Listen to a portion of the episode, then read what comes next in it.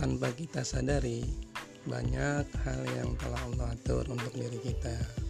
Jaringan saraf yang terus bekerja paru-paru yang memompa udara oksigen yang kita hirup dengan luasa rezeki yang kita makan dan banyak hal lain yang sesungguhnya telah Allah atur untuk setiap manusia.